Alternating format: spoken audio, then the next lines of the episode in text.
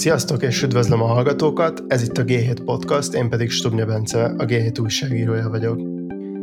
Habár arról már korábban döntött az Európai Unió, hogy 2030-ig az eredetileg tervezetnél nagyon mértékben 55%-kal csökkenti az üvegházhatású gázok kibocsátását, arra vonatkozóan, hogy ez pontosan hogyan fog megvalósulni, eddig csak tervek voltak. Pár hét múlva azonban az Európai Bizottság bemutatja végre azt a stratégiát, amivel ezt elérné.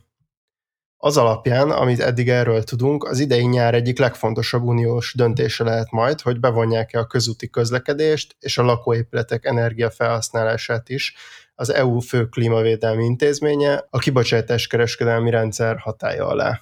Ez ugyanis az átlagember számára is érezhető drágulással járhat együtt, a tankolás vagy a rezsi árának emelkedése formájában. Orbán Viktor egy májusi EU-s csúcs előtt már például úgy keretezte ezt a témát, hogy a magyar családokat megvédeni megy Brüsszelbe. Azonban nem csak ez alapozhat meg nagy politikai konfliktusokat, a reformtervek között van ugyanis az EU-n kívülről érkező importra kivetendő karbonvám bevezetése is. Ez egyesek szerint az EU és az EU-nál kevésbé szigorú környezetvédelmi szabályozással működő országok közti kereskedelmi háborút is előidézhet. A mai adásban Bart István jogász, klímapolitikai szakértő, a Klímastratégia 2050 intézet ügyvezető igazgatója és az Energiaklub elnökségi tagja, illetve Mud Dániel közgazdász, a CEU Politika Tudományi Doktori Iskola PhD jelöltje, a KRTK Világgazdasági Intézetének tudományos segédmunkatársa lesz a vendégem. Részben a másfél fok.hu-n megjelent cikk alapján, amit majd belinkelek a podcasthoz tartozó cikkhez, azt fogjuk végigbeszélni, hogy milyen irányokat vehet az uniós kibocsátás kereskedelmi rendszer reformja, egyáltalán hogyan működik ez, és hogy milyen politikai konfliktusok alakulhatnak ki a reform mentén. István Dániel, köszöntelek titeket a G7 podcastban, és köszönöm, hogy elfogadtátok a meghívásunkat. Üdvözlöm a hallgatókat! Sziasztok! Én is üdvözlök mindenkit, és köszönjük a meghívást. Szerintem ez egy elég bonyolult rendszer, a, az európai kibocsátás kereskedelmi rendszer, ezért így elsőnek azt beszéljük végig, hogy hogy működik ez, és hogyan járul hozzá a klímacélok eléréséhez. Alapvetően a lényege, azért ugye ez egy szokatlan, vagy tehát úgy mondjam, nem túl ismert szabályozási modell a kibocsátás kereskedelem, és nagyon sok kritika éri azért, mert ugye itt úgy néz ki, mint hogyha tulajdonképpen a cégek megvásárolhatnák a szennyezést, és ez a, hogy mondjam, az avatatlan szemlélő, vagy az avatatlan néző számára egy kicsit furcsa lehet, és leginkább úgy kell ezt megközelíteni, abból úgy lehet a legjobban megérteni ezt a dolgot, hogy az állam ugye azt akarja, hogy kevesebb széndiokszid kibocsátás legyen, úgy általában. De az államnak mindegy, hogy hol lesz kevesebb a széndiokszid kibocsátás, neki végül is az összkibocsátás csökkenése számít. Ha az állam azt akarja, hogy csökkenjen a kibocsátás, akkor ugye egyrészt megteheti azt, hogy megnézi az egyes nagyvállalatokat, ahol a széndiokszid kibocsátás keletkezik, és akkor mindegyiken végigmegy, mindegyiknél meghatároz valami határértéket, de ugye ez nem túl hatékony, mert akkor ugye el kell menni minden létesítményhez, meg kell állapítani valami összeget, a hivatalnokok ezt biztos nem tudják olyan jól megállapítani, mint a cég maga, a cégek persze nem mondanak igazat, tehát az egész egy nagyon bonyolult dolog, és szükségképpen ugye torzítja a cégek terheit, hiszen lesz olyan cég, amelyik röhögve teljesíti a végül rá kiszabott kötelezettségeket, és lesz olyan cég, amelyik pedig belerokkan. És akkor ehelyett találták ki azt, hogy jó, hát akkor ne határozzuk meg azt, hogy egy-egy cég mennyi kibocsátást, mennyi széndiokszidot bocsáthat ki, hanem mondjuk azt, hogy megmondjuk, hogy összesen az egész ágazat, vagy az adott ágazat csoportok, az adott ágazatok csoportja, akiket ugye szabályozni akarunk, az összesen mennyit bocsáthat ki. Tehát ez egy úgynevezett sapka. Meghatározunk egy sapkát, amiben van X mennyiségű kibocsátás. Mondjuk 100 tonna kibocsátást akarunk, hogy jövőre legyen például. És tudjuk, hogy ha nem lenne ilyen szabályozás, akkor egyébként meg 120 lenne mondjuk a kibocsátásoknak a mennyisége, mert a múltbeli adatokból tudjuk, hogy körülbelül ennyit szoktak el, ennyi kibocsátás szokott keletkezni. És akkor azt mondjuk a cégeknek, hogy jó, mindenki tulajdonképpen kiosztjuk ezeket a kvótákat, vagy, vagy eladjuk, vagy ingyen odaadjuk nektek ezeket a kvótákat valamilyen elv alapján, sokféle lehet, és ez mindegy is. A lényeg az az, hogy utána mindenki annyit bocsát ki, amennyit akar, egyetlen egy követelmény, hogy ha kibocsájtasz valamit, akkor azt a kibocsátást fedjed le ezekkel a kvótákkal. Ugye ez úgy néz ki, hogy az év végén a cég bead egy jelentést, kérem szépen ennyit bocsájtottam ki, és utána egy számlán, mint egy internetes bankban átutal egy bizonyos mennyiségű kvótát az államnak a kvóta számlájára. És ettől ö, tulajdonképpen azt lehet mondani, hogy ő teljesítette a kötelezettségeit. Ugye a trükk itt abban van, hogy a, cég, ö, a cégek ö, szabadon kereskedhetnek ezekkel a kvótákkal. Ami azt jelenti, hogy ha ő kapott ingyen kvótát, akkor azt eladhatja, ha nem kapott elég kvótát, akkor vásárolhat, vagy az államtól, például egy árverés formájában, vagy más cégektől. És így tulajdonképpen az az eredmény áll elő, hogy minden cég saját maga egy üzleti döntés alapján eldönti, hogy vajon neki megérje megvenni azokat az extra kvótákat, mert ugye az, adó, az ő termelése az például annyi hozzáadott értéket termel, amiben ez még belefér, vagy esetleg inkább beruház egy hatékonyabb termelési megoldásba, amitől kevesebb lesz a széndiokszid kibocsátása, vagy esetleg abba hagyja a termelést, mert azt mondja, hogy ugye ennyi, ilyen áron ez már, vagy ilyen kvótaárak mellett ez a dolog már nem nyereséges. És ugye ennek az egész folyamatnak nemzetgazdasági szinten az az eredménye, hogy mindig ott csökkennek a kibocsátások, ahol egyébként az a plusz tonna széndiokszid a legkisebb hozzáadott értéket állította volna elő. Tehát a legkevésbé hatékony szennyezési, szennyezéssel járó ipari tevékenységek fognak megszűnni tulajdonképpen, vagy fognak felújítás vagy egy új beruházás által megjavulni. És ez ugye nemzetgazdasági szempontból nagyon jó, mert végül is a lehető legkisebb közös nemzetgazdasági költséggel érjük el azt, hogy csökkenjenek a kibocsátások. Tehát tulajdonképpen ez a, a, a, az alapvető logikája a rendszernek. Ugye természetesen ez a, ez a rendszer csak akkor működik, hogyha vigyázunk arra, hogy kevesebb széndiokszid kvótát osszunk ki, mint amennyire a cégeknek szüksége van. És ez egyébként egyáltalán, ez így tök evidensen hangzik, de valójában ez nem mindig sikerül a gyakorlatban. Ugye az EU ETS is, nek is vannak, az EU ETS-ben is vannak történelmi példák arra, hogy azért ez nem feltétlenül mindig valósul meg.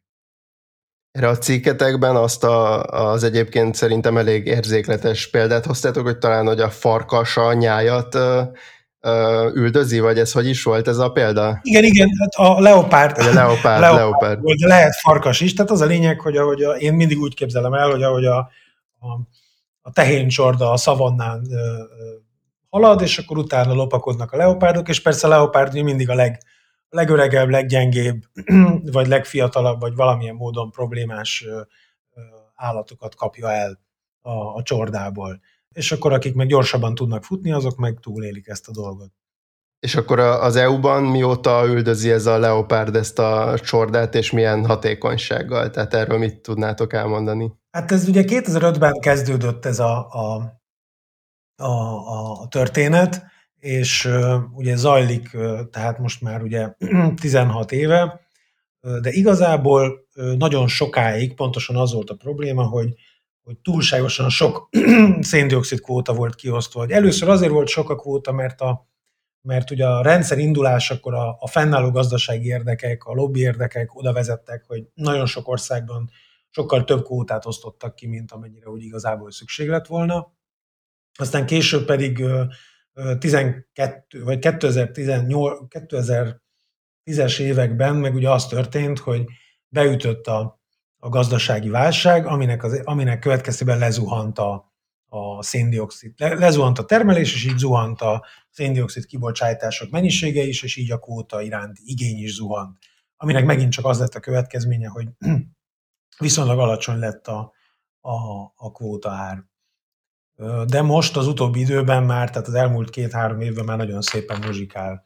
Szerintem egy kicsit azt próbáljuk összeszedni, hogy, hogy ez a rendszer milyen hatással van a, egyrészt a cégekre, tehát milyen cégek tartoznak ebbe a rendszerbe, és hogy mondjuk az átlag ember, tehát tényleg ez egy nagyon absztrakt dolognak tűnik, de hogy, hogyha mondjuk egy ilyen átlag európai fogyasztót nézünk, mondjuk az ő életére milyen hatással van ez a rendszer, tehát mondjuk a, a, a, az árakra, a, a boltba bemegy, vagy valamilyen szolgáltatást megvásárol, a, a rezsi számlája, tehát hogy, hogy mit, mi, hogyan, hogyan kell ezt elképzelni. És erre azonnal rá is térhetünk a most következő rövid reklám után. Társadalmi célú reklám következik. Miért káros a cigarettázás?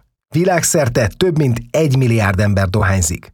A dohányzás káros következményeit mindenki ismeri, az okokat azonban kevesen – Ma már tudjuk, hogy nem elsősorban a nikotin, hanem az égés és az égés során keletkező füst és kátránya felelős a dohányzással kapcsolatos megbetegedésekért. A legjobb az, ha rá sem szokunk a dohányzásra. Ha mégis rászoktunk, mielőbb szokjunk le róla. Ha valamiért nem szokunk le, akkor tájékozódjunk. A cigarettánál akár 70-95 százalékkal alacsonyabb káros kibocsátással járó füstmentes alternatívákról, hogy legalább ennyit lépjünk előre az ártalomcsökkentés útján. Társadalmi célú reklámot hallottak, megrendelője a Philip Morris Magyarország Kft. Hát én azt gondolom, hogy, hogy egyelőre, tehát az elmúlt 10-15 évben olyan nagyon nem lehetett érezni a széndiokszid kibocsátási rendszer hatásait. Ugye alapvetően a, most az LTS-ben a legfontosabb cégek, akik benne vannak, azok az energia termelők, villamosenergia és hőtermelő létesítmények, plusz ami még érdekes lehet a nagy közönség számára, az olajfinomítók, cementgyárak és még egy pár dolog. Ezeknek a termékeknek a, a költsége némileg emelkedett, vagy emelkedhetett a széndiokszid kibocsátásnak köszönhetően, és ugye nyilván, hogyha az energia ára emelkedik, akkor az, minden, az ugye minden termékben valamilyen módon megjelenik. Hasonlóan a cementnek az ára is minden termékben valamilyen módon megjelenik, de ugye látni kell, hogy a Magyarországon például a rezsicsökkentés miatt is azért az energia árat nem elsősorban az ETS határozza meg. Ráadásul Ugye fontos az is, hogy a magyar energia mix az ugye úgy néz ki, hogy nagyon sok benne a importáram, ami nem, ami nem az EU-ból származik, tehát Ukrajnából vagy Szerbiából, nagyon sok benne az atomenergia, aminek ugye nincs széndiokszid terhe, és nagyon sok benne a, a földgáz, aminek meg viszonylag alacsony a, a széndiokszid tartalma, tehát mondjuk a szénhez képest mindenképpen. Tehát így azért elmondhatjuk, hogy mondjuk a magyar mindennapokban kevésbé jelenik meg ennek a, a EU ETS-nek a hatása, legalábbis eddig kevésbé jelent meg, mint esetleg mondjuk más országokban, mondjuk például Lengyelországban, ahol nagyon sok szenet használnak. De az utóbbi években ez a nagyon jelentős drágulás, ugye, amiről ti is írtok, ez, hogyha, hogyha jól értem, akkor azért, azért néhány nagy magyar cégnek a kiadásaira is már hatással volt, tehát érezhetően nőtt ez a költség. Igen. Mikor a az ETS hatást vizsgáljuk, akkor alapvetően ez kicsit nehézkes, mind belföldön, mind EU szinten. Ennek két fő oka van, az egyik, amit az István is már említett, a 2008-as gazdasági válság. Ennek a hatását nagyon nehéz kiszűrni. Tehát nem tudjuk, hogy az erőművi ipari létesítmények bezárása és kibocsátás csökkentése mennyire tulajdonítható az ETS-nek, vagy a csökkent gazdasági aktivitásnak. Másfelől azt is látni kell, hogy, hogy az ETS csak egy a, a klímapolitikai szabályozás között, bár biztosan, hogy a legfontosabb, de volt itt egy nagyon ambíciózusnak tekinthető megújuló célkitűzés a 2010-es években, és más környezetvédelmi szabályozások is hatással vannak az ETS-re, mint a légszennyezés visszaszorítását célzó intézkedések. Annyit még érdemes elmondani, hogy, hogy ketté kell választani a hőt és villamosáramot termelő erőműveket és az ipari létesítményeket.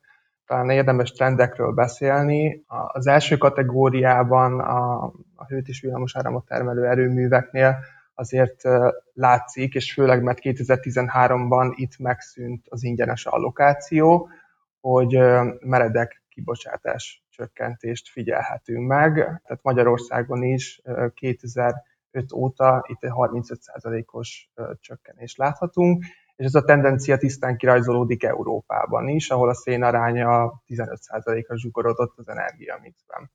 Na most az elmúlt 16 év tapasztalatai alapján az ipari létesítményeknél sajnos nem, nem ennyire rózsás a helyzet, klímavédelmi szempontból. Itt nem hogy kvóta szűkösségről, hanem, hanem masszív túlallokációról beszélhetünk, és ez így van Magyarország esetében is, ami bizonyos években meghaladta a 40%-ot. Tehát ennyivel több kvótát kaptak az ipari szereplők, mint a tényleges kibocsátások, amit utána ők eladhattak a, a karbonpiacon. De ez az állapot 2017-ben gyakorlatilag megszűnt. Most a kibocsátás körülbelül kibocsátás körülbelül fedi az allokációnak a, a mértéke, és itt érdemes megemlíteni a piaci stabilitási tartaléknak a 2019-es bevezetését, ami által az EU visszatartotta a felesleges kvótákat a piacról, így állítva egy mesterséges szűkösséget a, a piacon, ami viszont szükséges volt az egyensúlyi állapot megteremtéséhez, és ez nagyon válságállónak bizonyult, mert a Covid időszakban egy, egy nagyon rövid esés után gyorsan visszapattantak a karbonárak, az ipari kibocsátás Magyarországon az ETS bevezetése nem, hogy nem csökkent, de 2005 és 2018 között 16%-kal emelkedett. De ennek ellenére én, én azt gondolom, hogy, hogy biztosan kijelenthetjük, hogy az ipari szektoroknak is új időszámítás kezdődött 2019-ben, illetve ebben az új kereskedelmi fázisban. Oké, okay, szerintem térjünk akkor rá arra, hogy hogyan reformálnák most meg ezt a, a rendszert, tehát tervekről tudunk, milyen új iparágakat, milyen cégeket érintene ez a reform, és egyébként akkor, hogyha amennyiben tudunk arról beszélni, hogy az átlagebert ez hogy érinteni, akkor szerintem arról is beszéljünk. De az EU kibocsátás kereskedelmi rendszer az, az egyik alapvető, vagy hát nem is tudom, hiányossága vagy, vagy korlátja az az, hogy ugye most az összes európai kibocsátásnak kb. 40%-át fedi le. Nincs benne a leg, mondjuk két nagyon fontos ágazat, a lakossági közvetlen tüzelés és a közlekedés. Ugye ezeket az ágazatokat most nemzeti kompetenciában szabályozzák, ami azt jelenti, hogy nem az EU központi LTS-ének a felelőssége az, hogy a kibocsátások egy bizonyos szint alatt maradjanak, hanem ez, az EU, ez a tagállamoknak, az egyes tagállamoknak a dolga, hogy megoldják. És minden tagállamnak vannak saját céljai, tehát vannak saját célértékei, hogy 2030-ra 2005-höz képest mennyivel kell csökkenteni a, a kibocsátásokat.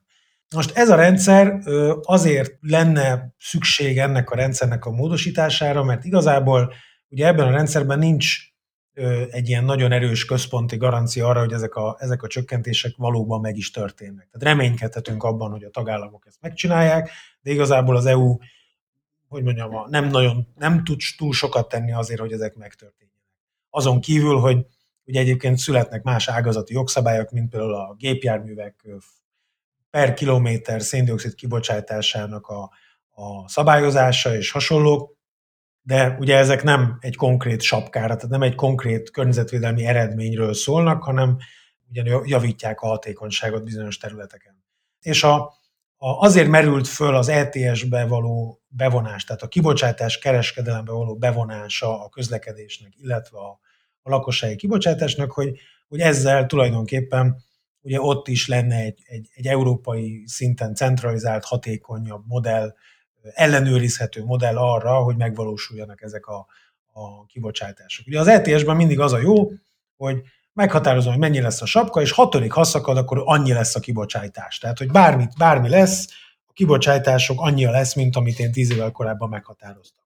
Ugye belátható, hogy ehhez képest az, hogy mondjuk épületfelújítási programokat indítok, vagy megmondom azt, hogy mennyi lehet egy új autónak a, a széndiokszid kibocsátása, azok nem garant, tehát azok nem garantálnak egy, egy, egy adott kibocsátási mennyiséget, hanem azok olyanok, hogy ezeket megcsinálom, és aztán reménykedem, hogy, hogy ezek megtörténnek. És akkor ugye ennek a gondolatnak a mentén merül fel az, hogy jó, hát akkor vezessük be a kibocsátás kereskedelmet a lakosságra és a közlekedésre is.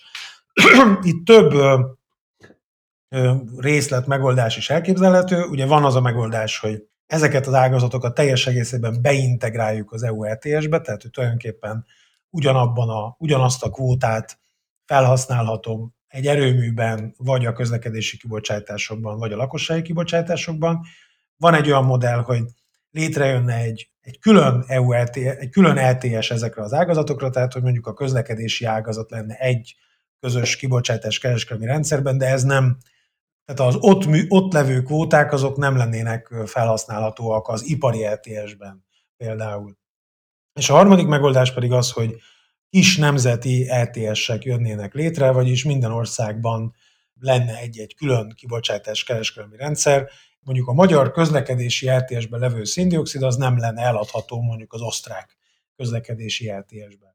Mind a három megoldásnak megvannak a, a, az előnyei és a hátrányai. A, most ugye még nem tudjuk, hogy mi fog kijönni, az látszik, hogy ez a, a a teljes integráció az valószínűleg nem lesz, vagy legalábbis nem fog megvalósulni a közeljövőben. Ennek sok oka van. Az egyik oka az, hogy energiaszektorban sokkal olcsóbb megtakarítani egy tonna széndiokszidot, mint a közlekedésben vagy a lakossági kibocsátásban, ami azt jelenti, hogy ha most az, ezt az egész, hogyha, hogyha a közlekedést meg a lakosságot beletolnánk az ETS-be, akkor, akkor ugye minden többlet kibocsátás csökkentési teher az szépen átcsúszna az iparra. És akkor ugye a, az iparnak kellene ugye elviselni a többlet kvóta terhet, miközben mondjuk a közlekedésben meg nem csökkennének a kibocsátások. Ami nem jó, mert ugye mivel 2050-ben nullára akarunk lemenni, ezért a közlekedési kibocsátásokat is meg kell fékezni, tehát hogy önmagában azzal nem vagyunk kisegítve, hogy a közlekedésben továbbra is annyi kibocsátás van, amennyit akarunk, viszont az iparban meg nagyon nagyok a kvóta terhek. Tehát ez hosszú távon nem egy jó fejlemény, és egyébként ugye nagyon rontaná valószínűleg az európai gazdaságnak a versenyképességét. A másik megoldás az, hogy ugye legyenek ilyen EU-ban, tehát EU-szert, tehát egy, legyen egy közös EU-s közlekedési ETS, vagy egy közös EU-s lakossági ETS. Ez azért nem túl vonzó, mert ugye fontos látni azt, hogy nagyon eltérőek az egyes tagállamoknak az effort sharing kibocsátás csökkentési céljai. Tehát, hogy a, a nem ETS szektorban például Németországnak, ha jól emlékszem, akkor 2005-höz képest 2030-ra mínusz 38 százalékos kibocsátás csökkentést kell elérni. Dani, javíts hogy rosszul mondom, és ehhez képest Magyarországnak meg mínusz 7 százalékot kell elérnie, ha jól emlékszem. A, most a, belátható, hogy ebben is már egy hatalmas különbség van, de ugye ez még hozzá is kell tenni azt, hogy ugye az egyes tagállamok jelenleg is egészen tehát az, hogy mennyire vannak ezek a tagállamok az egyes céloktól, az is nagyon eltérő.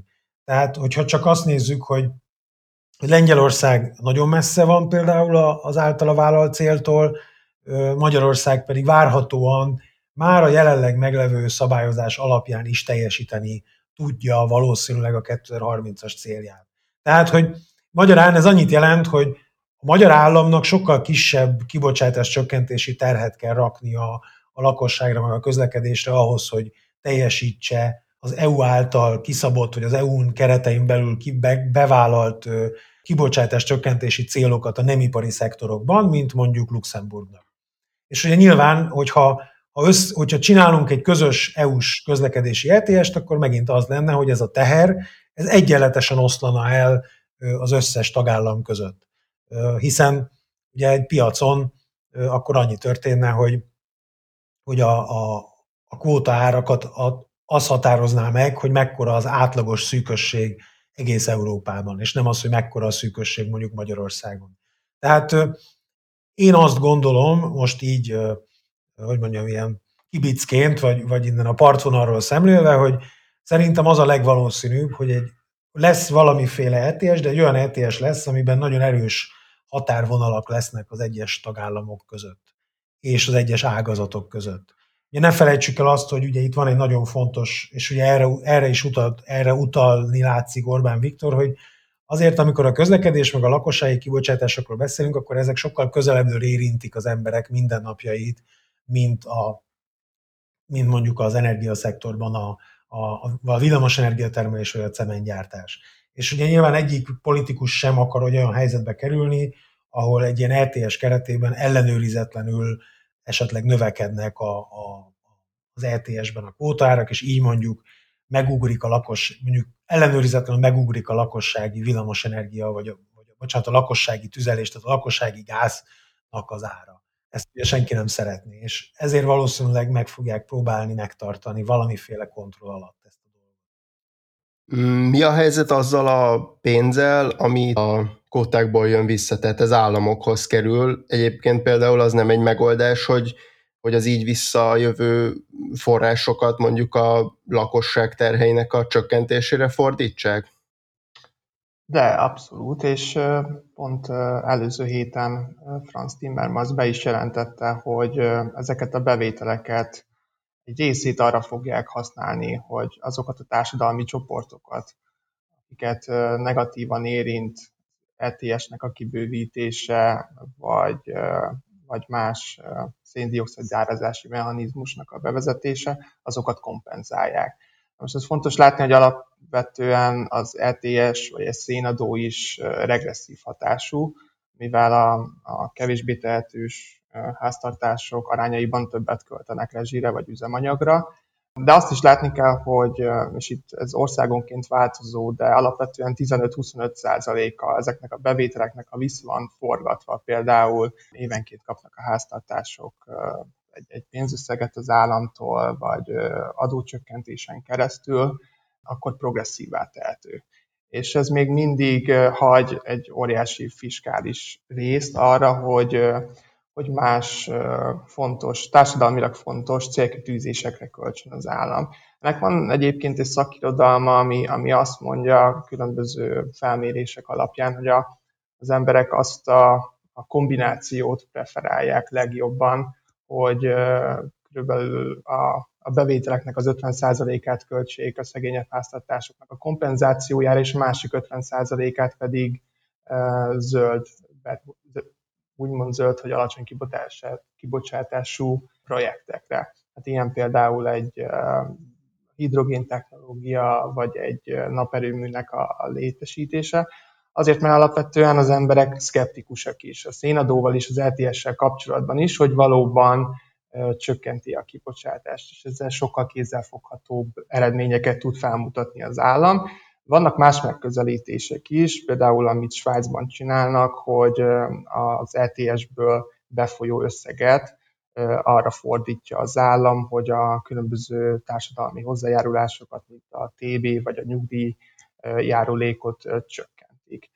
Hát ezzel nem csak azt érik el, hogy alapvetően felgyorsul a, egy szénszegény gazdaságba való átmenet, hanem hogy kiküszöböli ezeket a viszonylag negatív ö, szociális következményeit a széndiokszid árazási mechanizmusnak, ami ebben az esetben az, az ETS. Szerintem itt a lakossági részét azt kibeszéltük, viszont hogyha jól értem, akkor azért a, a céges oldala sem annyira lefutott még ennek, tehát hogy itt is azért felmerülhetnek, előjöhetnek politikai konfliktusok. Egyrészt ugye az, az kérdéses, vagy, vagy, vagy engem az érdekel, hogy a, a rendszer reformja az, a, az eddig is a rendszerbe tartozó cégeket mondjuk hogyan érintheti, illetve egy kicsit beszéljünk erről a karbonvámról, mert ez egy ilyen, ez is egy, egy ilyen nagyon távolinak tűnő koncepció, viszont hogyha ugye erről olvassunk mostában, akkor sokan például attól félnek, hogy akár egy ilyen kereskedelmi háborús helyzetet is előidézhet ez. A karbonvámok bevezetése az egy 15 éve napirenden levő, valamilyen módon napirenden levő téma Európában. Alapvetően az a, a, az egésznek a kiinduló pontja, hogy az EU ugye nagyon, alapvetően az EU belül, tehát az EU területén a világ kibocsátásának csak a 9%-a történik meg, tehát nyilvánvalóan nagyon fontos az, hogy a világ többi része mennyit bocsájt ki. Viszont nagyon sok terméket importálunk, például Kínából, vagy máshonnan. Ezeken a termékeken nincs karbonköltség. Tehát, hogyha én egy Magyarország, hogyha mondjuk egy Magyarországon gyártott nem tudom, befőttes üveget vásárolok, akkor annak abban van karbonköltség, hogyha Kínából importálják ugyanezt a befőttes üveget, akkor abban nincsen. És ez ugye egyértelműen egy nagyon fontos lyuk a, a széndiokszid kibocsátás, tehát ugye a széndiokszid beárazásában, amit kezelni kell. Egyrészt, másrészt pedig ugye az, ez a tény, tehát a nemzetközi versenynek a ténye, az alapvetően a, a mostani ETS-t is jelentősen meghatározza, ugyanis az ETS ben az a szabály, hogy ha te egy olyan ágazatba tartozol, amelyik jelentős nemzetközi versenynek van kitéve, tehát mondjuk tudom én, acélipar létesítményről beszélünk, akkor ellentétben a többi ágazattal a széndiokszid kvót, a szükséges, mondjuk egy korábbi termelés alapján szükséges széndiokszid kvótáidnak a 100%-át megkapod. Tehát, hogy szinte teljes mértékben lefedik a kibocsátásaidat ingyenes állami kvótákkal. Ugye ez azt jelenti, hogy ezeknek a cégeknek a, a, a széndiokszid kibocsátás az valójában nem jelent plusz költséget. Erre azért van szükség, mert hogyha ezt a szabályt nem alkottuk volna meg, akkor ugye annyi történt volna, hogy bezárnak például az európai acélgyárak, és a továbbiakban minden acélt Kínából fogunk importálni vagy Brazíliából, ami senkinek nem jó, mert ugye ugyanúgy lesznek globális széndiokszid kibocsátások, csak éppen munkahelyek sem lesznek Európában. Tehát, hogy ez egy kölcsönösen rossz helyzet mindenkinek, és akkor ennek a kezelésére született az a szükségmegoldás, hogy jó, akkor ezeknek a cégeknek odaadjuk ezeket az ingyenes kvótákat, hogy ne, legyen, ne legyenek versenyhátrányban. Most ezt, de ez azért hosszú távon nem tartható ez a dolog, mert ugye sokokból egyrészt azért, mert ugye ezek a cégek így valójában nincsenek igazán ösztönözve a kibocsátások csökkentésére, másrészt pedig azért sem, mert nagyon fogyóban van már az ETS-ben az ingyenesen kiosztott, vagy a, az, az árverésen kiosztott kvóta mennyisége, és fennáll a veszély, hogy hosszú távon oda fogunk jutni, hogy, hogy ugye csak ezek a, a, az ingyenesen kiosztott kvóták maradnak. Tehát, hogy elapad az ETS-nek a többi része. Mert ugye az évente kiosztott kvóták mennyisége, az, az évente kiosztott és elárverezett kvóták mennyisége, az folyamatosan csökken. Tehát így tulajdonképpen az ingyenes kvóták évről évre egyre nagyobb szeletet hasítanak ki az állami bevételekből. Ugye ezért is akarják megszüntetni ezeket az ingyenes kiosztásokat, vagy legalábbis merült fel. És ugye a megoldás az az lenne, erről már ki is szivárgott egy tervezet, hogy aki importál a cementet, vagy acélt, vagy akár áramot az Európai Unióba, annak kell vásárolnia külön olyan kvótákat, amik lefedik azt a széndiokszid kibocsátást, ami az adott termékcsoportra jellemző és a, a, ennek a kvótának vagy certifikátnak az ára, az pedig a, az aktuális széndiokszid kvótárnak fog megfelelni. Tehát ez most ez a, ez a tervezet. Nyilván nem mindenkinek tetszik ez, tehát ugye a kínaiak, meg más dél-kelet-ázsiai országok már jelezték, hogy ők egyáltalán nem boldogok ettől a, ettől a megoldástól, és úgy érzik, hogy valójában ez csak egyfajta protekcionizmus, ami arra szolgál, hogy az európai cégeket helyzetbe hozzák. Paradox módon egyébként az európai cégek meg azt mondják, hogy ha megszüntetik az ingyenes kvótát, akkor ők el fognak bukni a kínaiakkal folytatott versenyben. Tehát, hogy senki sem elégedett ezzel a javaslattal, most pillanatnyilag ott, ott tartunk. Még annyit hozzáfűznék, hogy nem csak a feltörekvő országok nem boldogok ezzel a javaslattal kapcsolatban, hanem különösebben az EU más gazdagabb kereskedelmi partnerese. Tehát például a az új amerikai adminisztráció is azt kérte, hogy a, a karbonvám bevezetésének a tervét, vagy a javaslatot is csak a, az idei évi COP konferencia után mutassa be az EU. Hát ha más országok ugye ambiciózusabb klímatervet fognak letenni az asztalra, ami pedig szükségtelenné tenni a karbonvámnak a bevezetését. Én szerintem politikailag ennél az EU jóval elkötelezettebb, most. A másik meg az, hogy a karbonvám nem oldaná meg azt a problémát, hogy a, azok az európai cégek, akik exportálnak, ott még mindig versenyhátrány érné őket. Tehát, hogyha itt fizetniük, ugye itt termelnek, és utána azt exportálják, még mindig kevésbé lennének versenyképesek a külföldi piacokon.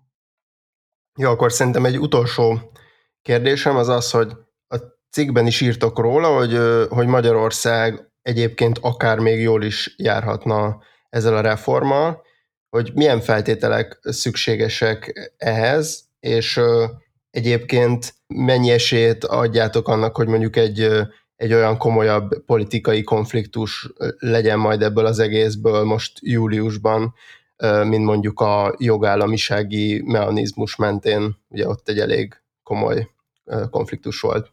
Én először is én azt gondolom, hogy Magyarország viszonylag alacsony, a Magyarországnak viszonylag alacsony a fajlagos széndiokszid kibocsátása, tehát hogy részben azért, mert szegények is vagyunk, relatíve kevés az autónk, az iparunk nem nagyon nagy, és ugye az energiatermelésünk is egy viszonylag szén-szegény energiatermelés, tehát viszonylag kevés benne a szén, sok benne az atom, tehát hogy minél nagyobb a, a úgy általában a széndiokszid költség, ugye Magyarország tulajdonképpen annál versenyképesebb lesz. Tehát, hogy hogy Magyarországnak nem alapvetően nem rossz az, hogyha az iparban a, a, széndiokszid kibocsátás sok ára az megnő, mert mi csak versenyképesebbek leszünk relatíve.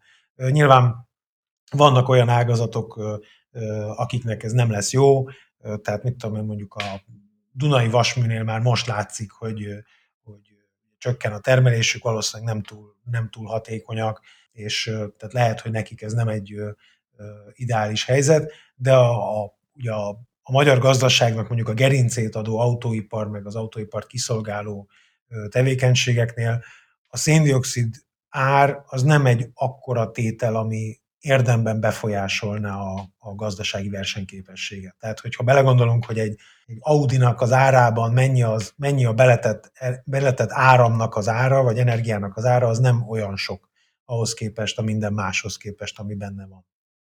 Tehát ö, ö, én azt gondolom, hogy, hogy van egy ilyen általános ö, felhajtó erő tulajdonképpen mögött a, a klímapolitika mögött, ami Magyarországnak, Magyarországnak jó lehet. Az, hogy, hogy ebből ugye milyen politikai konfliktusok keletkezhetnek, hát erre nagyon fontos előjelet adott az a tény, hogy Orbán Viktor kijelentette, hogy az új nemzeti konzultációban benne lesz az úgynevezett klímaadó kérdése is, és nyilván olyan éllel, hogy ezt a magyar lakosság utasítsa el. Én ezt egy jelentős csúsztatásnak tartom, mert ugye itt nem egy klímaadóról van szó, tehát a széndiokszid kibocsátás kereskedelem az nem adó, hiszen az adó az, az ugye mindig annyit fizet, az egy úgy van meghatározó adó, hogy valami után fizetsz egy fix összeget. Most ez nem egy adó, hanem ugye ez rugalmasan változik ahhoz képest, hogy éppen hogyan alakul a, a kvóták kereskedelme és kínálata egyrészt. Másrészt pedig, ugye, hogyha lesz is egy ilyen rendszer a közlekedésben és a lakossági kibocsátásokban, ugye ezt nem a lakosság fogja csinálni, hanem ezt a mondjuk a közlekedésnél az, a, az üzemanyagellátók, a, a gáz, vagy a, vagy a lakosságnál pedig mondjuk a, a gázszállítók, vagy a gázelosztók. Tehát, hogy illetve mondjuk a, a szénkereskedők, hogy mondjuk a lakossági szén, de az mondjuk nem egy túl nagy tétel. Tehát, hogy, hogy ez nem ez nem egy közvetlenül a lakosság által fizetendő teher lesz. És ugye ne felejtsük el azt, amit mondtam, hogy a Magyarországnak a, a a nem ETS szektorokban vállalt kötelezettsége nagyon enyhe ahhoz képest, hogy, hogy mondjuk mit vállalt például Németország. Tehát ugye noha ezek a kötelezettségek ezek meg fognak erősödni, vagy szigorodni fognak ugye azáltal, hogy az EU eldöntötte, hogy fellép az 55% ra még ezzel együtt is valószínűleg ugye Magyarországnak ez nem lesz egy ilyen különösen nagy teher. Valami terhet valószínűleg fog jelenteni, és ugye nyilván fontos is az, hogy legyen egyfajta szociális ellentételezése ennek a dolognak.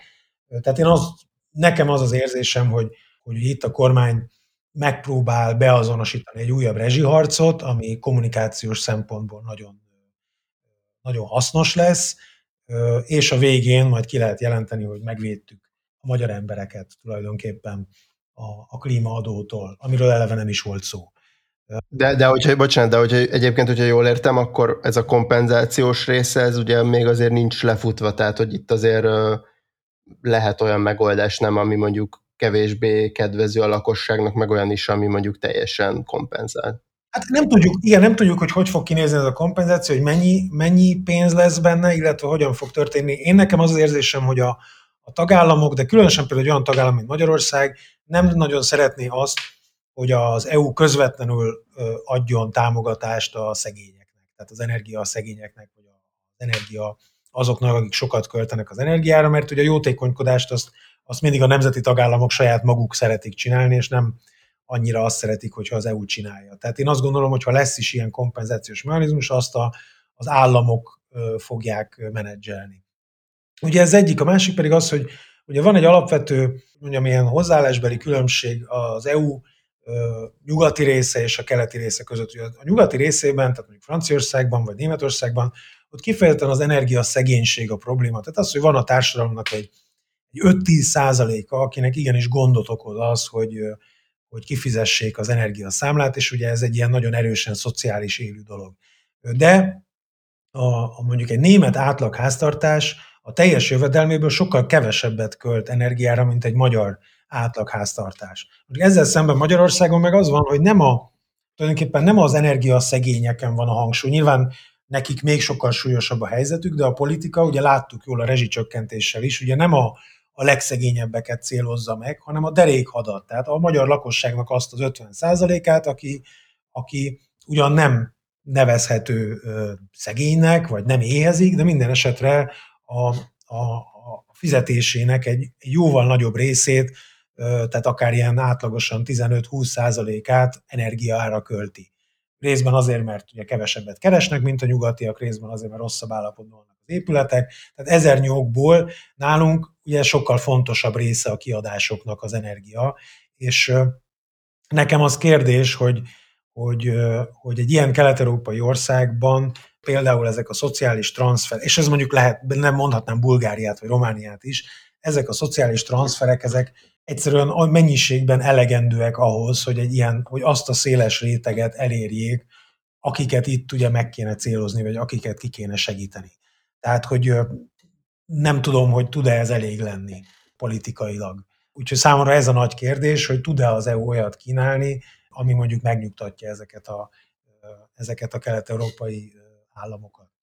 De szerintem azért azt is fontos látni, hogy, hogy nincs, tehát a, ha ezeket, például ezeket a szegényebb kelet-európai országokat nézzük, akkor ugye nekik nincs ebben feltétlenül olyan nagyon nagy mozgásterük, hiszen ugye a bizottság megkapta a, felata, vagy a felszólítást arra, hogy, hogy alkossa meg a tervezeteit, és ugye ez így ebben a formában elkerülhet a, az Európai Tanácshoz, és akkor, hogyha az Európai Tanácsnál van ez a dolog, akkor ott, ott minősített többséggel fognak dönteni erről a dologról. És ugye az Európai Tanácsban a, a döntési, ugye úgy vannak a, tehát úgy vannak a szavazatok súlyozva, hogy tulajdonképpen az összes kelet-európai, tehát a 2004 körül csatlakozott összes kelet-európai összeáll, akkor sem tudják megakadályozni azt, hogy egy adott intézkedés átmenjen, ha egyébként mindenki más támogatja. Tehát az, hogy, hogy ez, a, a, ez a szociális szempontban mennyire lehet szívóskodni például, az, annak azért megvannak a, a határai. Tehát ez nem feltétlenül egy olyan dolog, amit Magyarország megvétózhat. Hiszen megszületett az az uniós jogszabály, a klímatörvény, hogy már pedig 2030-ra fölmegyünk 55%-ra, és ennek meg kell lennie. Tehát ilyen alapon elég erős kártyái vannak a, a, bizottságnak, ugye, aki ezt a javaslatot fogja tenni. Tehát azt gondolom, hogy, hogy, hogy itt lesz egyfajta rezsiharc, aminek a végén egy, fog egy, egy, valószínűleg egy győzelem fog születni magyar részről. De hát ez mindig így szokott lenni. Rendben van. Hát akkor ezekre a nyitott kérdésekre július elején fogjuk megkapni egyébként a, a válaszokat, amikről most István beszéltél?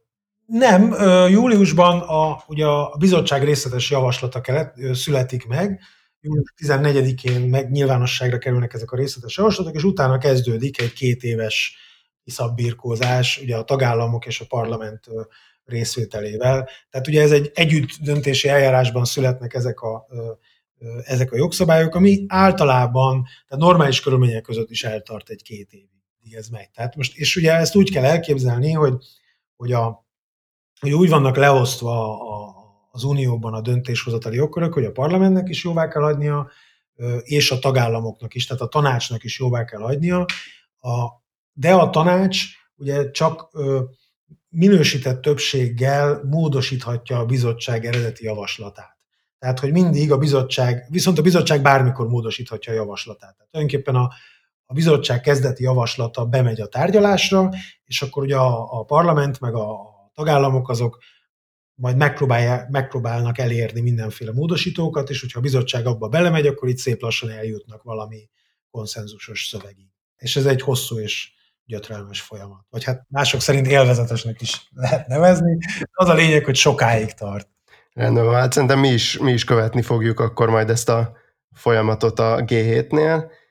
Bart István és Mud Dániel voltak a vendégeim a héten. Köszönöm nektek a, a mai beszélgetést. Köszönjük szépen! Köszönjük, sziasztok! A hallgatóknak pedig köszönöm, hogy itt voltak velünk, iratkozzatok fel ránk ott, ahol a podcastokat hallgatjátok, és ha tehetitek, akkor támogassatok minket úgy, mint hogyha előfizetnétek alapra a g7.hu per támogatás oldalon. Én Stubnya Bence a G7 újságírója vagyok, a G7 podcastot hallottátok.